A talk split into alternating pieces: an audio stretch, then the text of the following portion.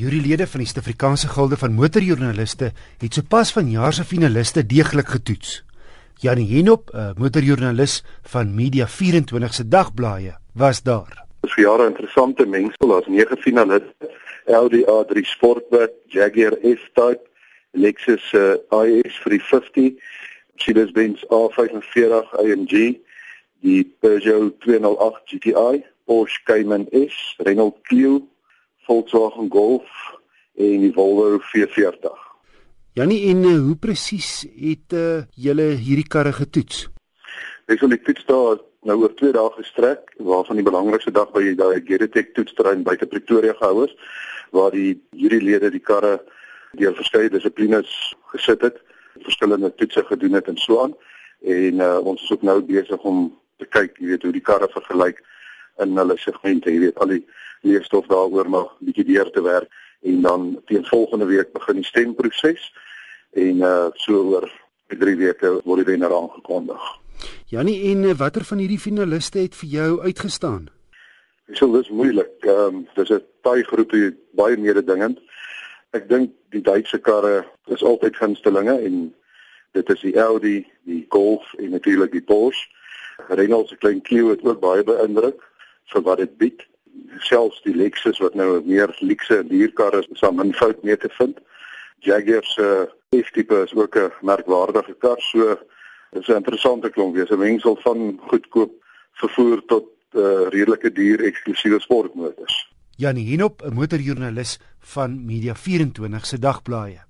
En ons praat weer met Jannie wanneer die wenner op 19 Februarie bekend gemaak word. Praat van sedans rondom die 400 000 rand merk en feitelik alle kliënte dink Duits. Dis nie ek wat so sê nie, dis die maandelikse verkoopsyfers.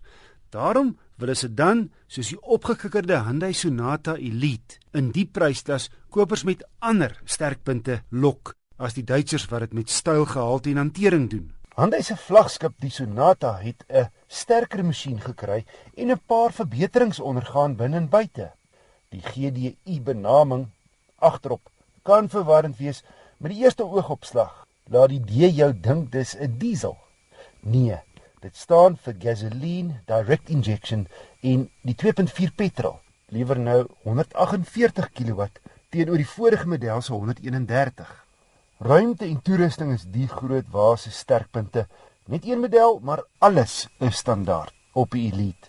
'n Aanraakskerm, verhitting en elektriese verstelling op die voorste leersitplekke. Die bestuurder het ook 'n geheuefunksie en 'n meer elegante middelkonsole, 'n dubbele panoramiese sondak, xenonligte voor, nuwe LED dagryligte en die agterste passasiers het ook kontroles vir die klimaatbeheer.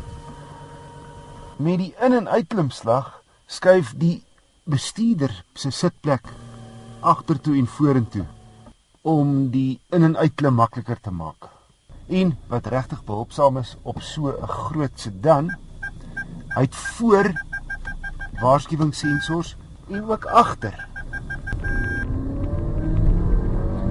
Die bykomende krag is welkom op hierdie groot sedan. Hyundai sê die 0 na 100 neem nou 9 sekondes. En die 6-spoed outokas spring darm nou minder rond tussen die ratte as voorheen. Is effens lomp omdraaie Die vering is op gerief gestel eerder as 'n sportiewe rit.